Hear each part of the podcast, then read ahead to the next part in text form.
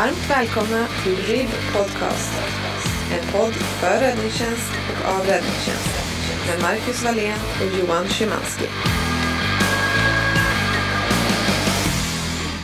Ja, vi har Göran Svensson i studion fortfarande och möjlighet att prata om olika typer av erfarenheter. Och vi vet Göran att du har en, en väldigt speciell, känslosam erfarenhet från påsken på 70-talet. Ta oss tillbaka. Ja, det är ju påsken 79. Mm, jag gör militärtjänsten och eh, ser faktiskt, läser Expressen faktiskt, brandman död i Ronneby eh, villabrand. Och det var innan mobiltelefon och sånt. Vi sitter ute på förbandsdygn på, på eh, Revingehed eller Rinkaby. Eh, Nej, vi var på skjutövning i Ravlunda. Eh, och eh, jag sitter i tältet, vi sitter i tältet och jag läser en Expressen-uppslag eh, där. Och, och innan man liksom hade fått tag i en telefon och kunnat ringt hem och fråga för att tusan det var för något. Alltså. Och det visar sig att det är en mangårdsbyggnad till en bondgård utanför i ett samhälle, Bräkne-Hubby. Och deltiden är på plats, heltiden är på plats och man har slagit ner branden väldigt förtjänstfullt. Branden går på vinden eller, och det är ett så kallat mansardtak. Det är ett sadeltak som är brutet en gång. Väldigt mycket brandgas i hela den konstruktionen. Och eh, rökdykare är insatta för att hålla branden på övervåningen. Branden har börjat i köket, nedsläckt. Eh. Man har otroligt väldigt mycket vatten ute. Man har tre tankvagnar. Slangutläggning hade man inte lagt ut än så länge. Och sen händer något väldigt dramatiskt. Otroligt dramatiskt. Rätt vad det är så kommer rökdykarled- rökdykare nummer två nedtrillande runt för trappan ut till rökdykarledaren. Och på den tiden var det ju liksom inte mask på för rökdykarledaren och ingen egen vapen så att säga, ingen egen slangledning där. Så, så var det ju. Eh, efter honom där några sekunder, jag kan inte uppskatta det för jag var inte med. Då, då trycks ju brandgaserna neråt så att säga och ut eh, mot, rökdykarledaren där. Och, och eh, rökdykare 1 är ju kvar och inne i fastigheten. Eh, sen tänder hela fastigheten och man kör fram eh, tankvagnar och börjar köra med kanoner och grejer. Va? Men det biter ju inte för det läggs ju på takpannorna i princip. Va? Och alla trodde ju Magnus låg där uppe men det visade sig att han har gått igenom golvet.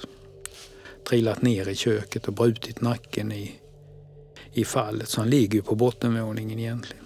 Hela kåken tänder där va? och man får börja flytta bilar. Det börjar brinna i brandbilar. Och Därav mitt mantra. Där man sätter en struktur på en skadeplats där framme, det är faktiskt fordonsplaceringen. För ni där ute eh, som lyssnar på detta, alltså ni som har flyttat brandbilar hårt, snabbt bakåt och ofta samband med att egen personal är i nödläge längre fram i organisationen. Och det är fan inte kul, alltså, nu ska man inte svara, men alltså, fordonsplaceringen det är där man sätter strukturen. Alltså man, man ska inte behöva flytta fordon, särskilt inte när egen personal är i nödläge längre fram. va. Man fick lägga energi på att börja flytta fordon. Eh, och det är ett rätt karaktäriserande drag just när, mm, när förloppen kommer. Va? Man har personal i nödläge längre fram vid bränder. Alltså då får man lägga all energi på att flytta fordon. Va? Eh, Karlskronabranden exempelvis, charkuteribranden Karlskrona. Vi har Kanada Bygg i i Täby får flytta bilar bakåt. Personal är inne kvar i fastigheten. Eh, och likadant nere i Bräkne-Hubby där. Va? Och Magnus omkommer ju där naturligtvis. Det som smärtade mig väldigt mycket, väldigt omtyckt mamman hade lärt mig mycket på, på jobbet så att han var deltidare. Men eh, man såg upp till Magnus, han var duktig och alltid glad och sådär. va. Det tog hårt. Va? Han har precis blivit pappa i den vevan också. Alltså. Den har väl förföljt kanske mer mm, också rätt psykiskt. Eh, men lärpengar och det, det var ju att vi redde ju aldrig, man redde ju aldrig upp det där nere då. Jag kom hem från lumpen några månader senare va? och liksom man har inte rätt upp det liksom. Eh. Det gick till juridiken. Eh. Det anmäldes då vållande till, till kroppsskada, vållande till annans död. Eh, det var en jädra stämning när liksom ingen hade, fick ha 21 på hjälmen. Liksom när man gick i vagnhallen då 20, sen blev det 22 och alla nya undrade vem var 21? Mm, massa lustiga sånt. Och sen den dagen så eller, har jag ju varit väldigt intresserad just av brandförlopp och, och, liksom, och det tog mig några år liksom. Jag var, jag blev, var väldigt arg när jag kom in till jobbet. Liksom, vad fan kunde ni inte, ni hade så mycket vatten. Jag, jag tror jag vill minnas över 20 000 liter vatten. Liksom, eh, bil 14 var sönderbränd, liksom blålyserna var nedsmälta, hela fronten var uppbränd. Va? Det var en Volvo N7. Plastkaross. Och, och liksom, va? Men sen tog det ju mig några år när man hade eldat förlopp och sånt där. Jag förstod vilket underläge de kom i det här. Börja flytta bilar bakåt och det är ju egentligen då man ska gå på offensiven och börja. Nu hade, väl, nu hade det ju inte hjälpt i detta fallet va? men eh, Nej, men så jag har väl vikt mitt liv liksom just det här med brandförlopp, undervisa i brandförlopp och elda hus. Va? Det har ju gett mig väldigt mycket. Va? Och där ligger man ju längst fram i världen då med Christer Gisessons teorier och framförallt då med laborationer i, i smällburken inne i lektionssalar, brandgasakvariet och sen flyttar man ut då till elda små mindre modellhus och sen går man in i nästa steg, containern då. Men återigen, containern är bara en större laboration, en simulator. Man måste följa upp med steg nummer fem och sex, alltså elda ett riktigt hus för, för att nya brandkillar och tjejer ska se och känna förloppet. Mm. Jag eh, har väl eldat några hus eh, både i tjänsten, men eh, eh, alltså både i utbildning och, och eh, på uttryck. Men, eh, ja, men det är intressant att se när, när jag brukar säga elden är Herrens bästa tjänare men den sämsta herre. Alltså när man har elden på tändstickan då är han jäkligt bra att ha att göra men när, man, när han använder en annan som tjänare då, då, då, fan, då är det då får man kamma till sig. Alltså då, då blir det svårt. Va? För det är sådana krafter, sådana förlopp. Man... Mm. Jag hör ju Göran att det här är en händelse som har, som har satt spår i dig mm. och som kanske också mm. var, var en av drivkrafterna till mm. varför du har förkovrat dig så mycket i de här brandförloppen. Och, eh, du nämner också att det här klarades aldrig ut. Ni pratade inte riktigt om det. Eh, kan du jämföra det med idag när vi enligt min upplevelse är lite bättre på de delarna? Absolut, absolut. Va? För att återgå till Ronneby-händelsen där när jag var klar som brandingenjör och började åka runt och undervisa och bränna hus så fick jag faktiskt åka ner och hålla ett föredrag för personalen där nere. Va? Och, och det var väldigt uppskattat. Eh, ja, det får andra avgöra. Men det, det, var många som förstod, aha, det var så. Och jag visade, eh, jag har ju skarpa bilder på hur det ser ut. Va? Både Karlskronabranden har jag faktiskt fått ynnesten att ha dem. Så jag har de skarpa bilderna, originalbilderna på de insatserna. Eh, och då var det de som kom fram. Åh fan, är det de krafterna igång och är det så förloppet går till? Och, det fanns vissa varningssignaler i, i det förloppet i Bräkne-Hubbe att det var en väldigt svår situation, framförallt på övervåningen. Mm. Exempelvis brandgaset tände i kontakt med luft. Va? Det är ett av de bästa tecknen på att här är det jäkligt farligt på plats. Alltså. Det är syreunderskott i byggnaden. Men eh, så det räddades ju aldrig upp den insatsen. Idag är man ju otroligt mycket bättre på det där sen 90-talet med debriefing och avlastande samtal, after action review och allt sånt där. Eh, eh, det, det, det, går ju inte att jämföra. Alltså det, det skulle hållas, det skulle nästan hållas inom skiftet och, och sådär. Man pratade aldrig om det där nere. Och, och idag är det otroligt mycket bättre. Det går inte att jämföra, det är inte samma planet alltså. Nej. Du nämnde också att, containern bara en simulator, att man måste känna på det på riktigt. Mm. Jag, jag, tänker för att återkoppla till, till RIB-utbildningen idag så har man ju tyvärr tagit bort rökdykningen som moment från den nationella utbildningen och det innebär ju om jag tolkar dig rätt så blir jag lite orolig att det kan innebära att vi blir sämre och att våra brandmän där ute idag inte kommer ha den kunskapen eller erfarenheten med sig på samma sätt som man byggde upp under 90-talet. Ja, jag håller med till 100 procent. Alltså, gamla brandman deltid, den var bra den utbildningen. Va? Man fick känna på riktig värme i, i containersystem i kulishusen och hade man tur så fick man tag i ett. Nu är det svårt att elda hus idag, det ska saneras och, och miljön ska man alltid tänka på och de bitarna. Eh, men där är, där är vissa kårer har ju jättebra utbildning men det är ju viktigt för förr eller senare och ju längre sedan man hade ett skarpt förlopp med, med livräddning samtidigt som ett aggressivt brandförlopp. Va? Den kommer ju närmare. Va? Och rätt vad det är så är man på den insatsen novembermorgon fem på morgonen. Helvete! Mm. Förlåt, man ska inte säga. Men alltså in i villakvarteret, underventilerad brand. Va?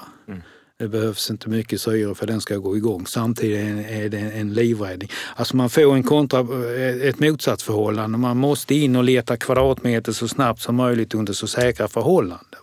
Och det blir ju ett motsatsförhållande där man inte vill eh, alltså behöver gå in för det är för, för, stora risker men du måste in och leta kvadratmeter så snabbt som möjligt under säkra förhållanden. Och det kräver sin eh, man eller kvinna för att gå in och hantera de brandgaserna där inne och söka igenom det på ett korrekt sätt va? Och, och använda vattnet på det mest optimala. Mm, mm. Ja, men det är ju, och jag tänker som du säger Johan, att man har lyft ut det från, från den nationella utbildningen lagt egentligen på den enskilda kåren. Och som du säger, en del är jättebra på det, andra har inte förutsättningarna även om viljan och kunskapen kanske finns där.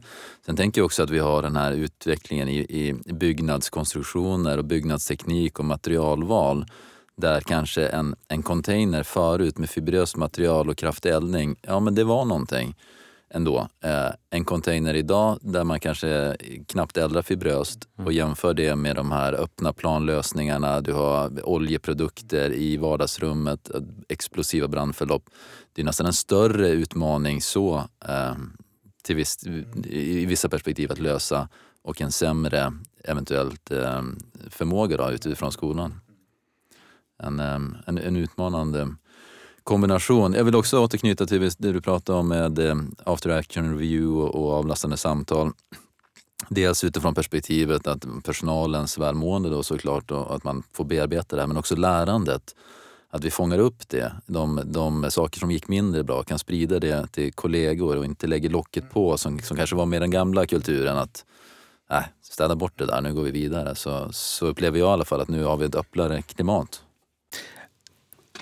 Absolut, absolut grabbar. Så är det. Va? Och, eh, när man är ute och föreläser, som jag, jag har gjort det många gånger, man känner ju av liksom inte ens grannskiften, skift 1, 3 och 4 vet om vad tvåan gjorde, varför gick det överstyr. Man liksom, eh, man, eh, och det är ju lite från skrået, va? utan nu har det blivit mycket öppnare. Va?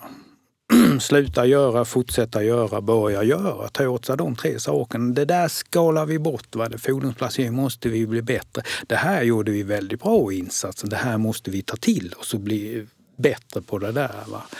Eh, hur tror du att man ska få till det där då på, ur ett nationellt perspektiv? Vad, vad, är det som saknas idag för att vi ska få lärandet dels mellan skiften såklart, men dels mellan stationerna och sen mellan räddningstjänsterna nationellt? Mm, mm. Hur, hur, ska vi lyckas med Bra det? Bra fråga. Ta in en extern utvärderare.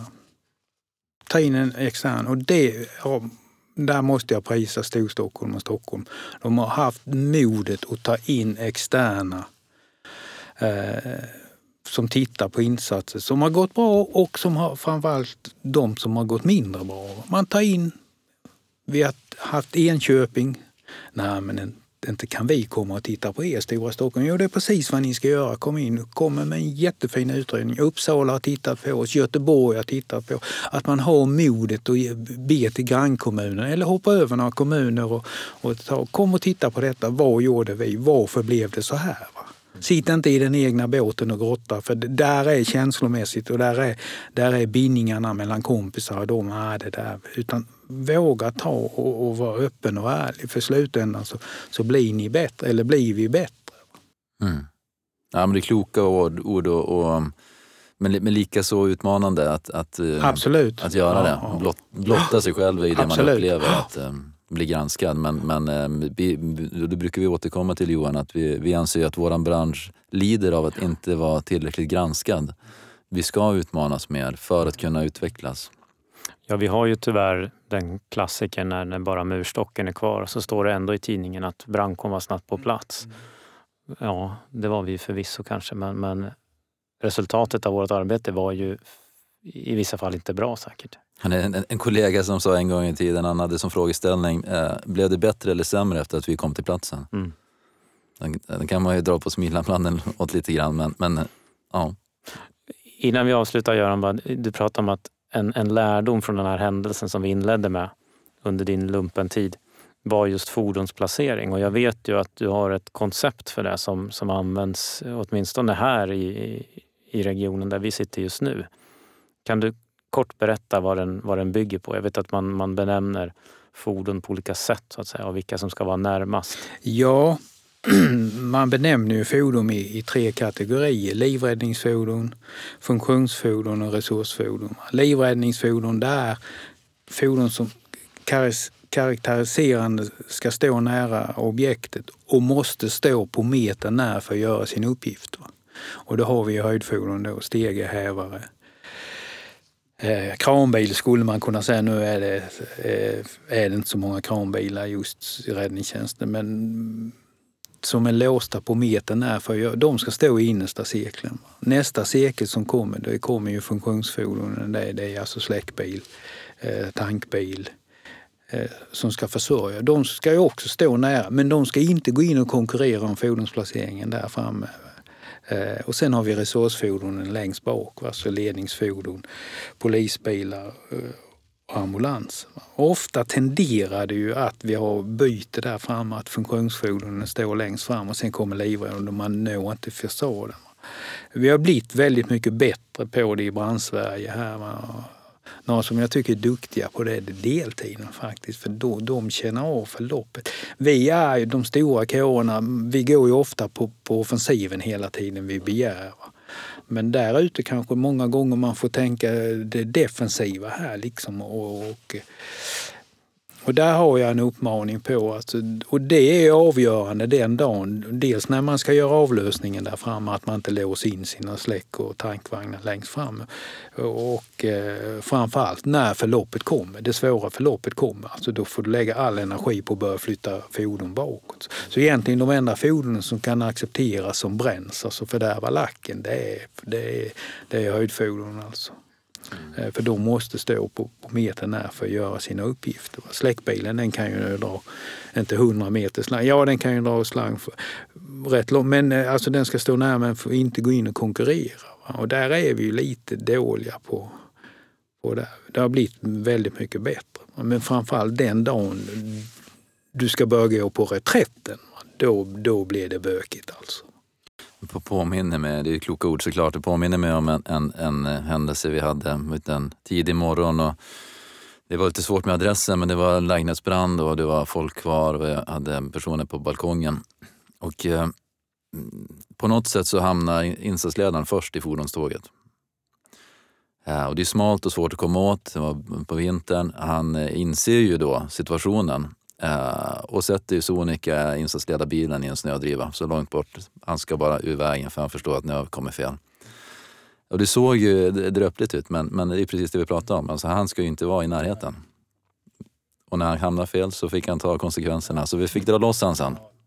Men, men han fick ju applåder. Mm. Mhm. Ja, en liten parentes. Men, men återigen, eh, kloka ord och det känns ju som en outtömlig eh, skatt, skattgruva vi har hittat där Johan. Eh, inte helt oväntat.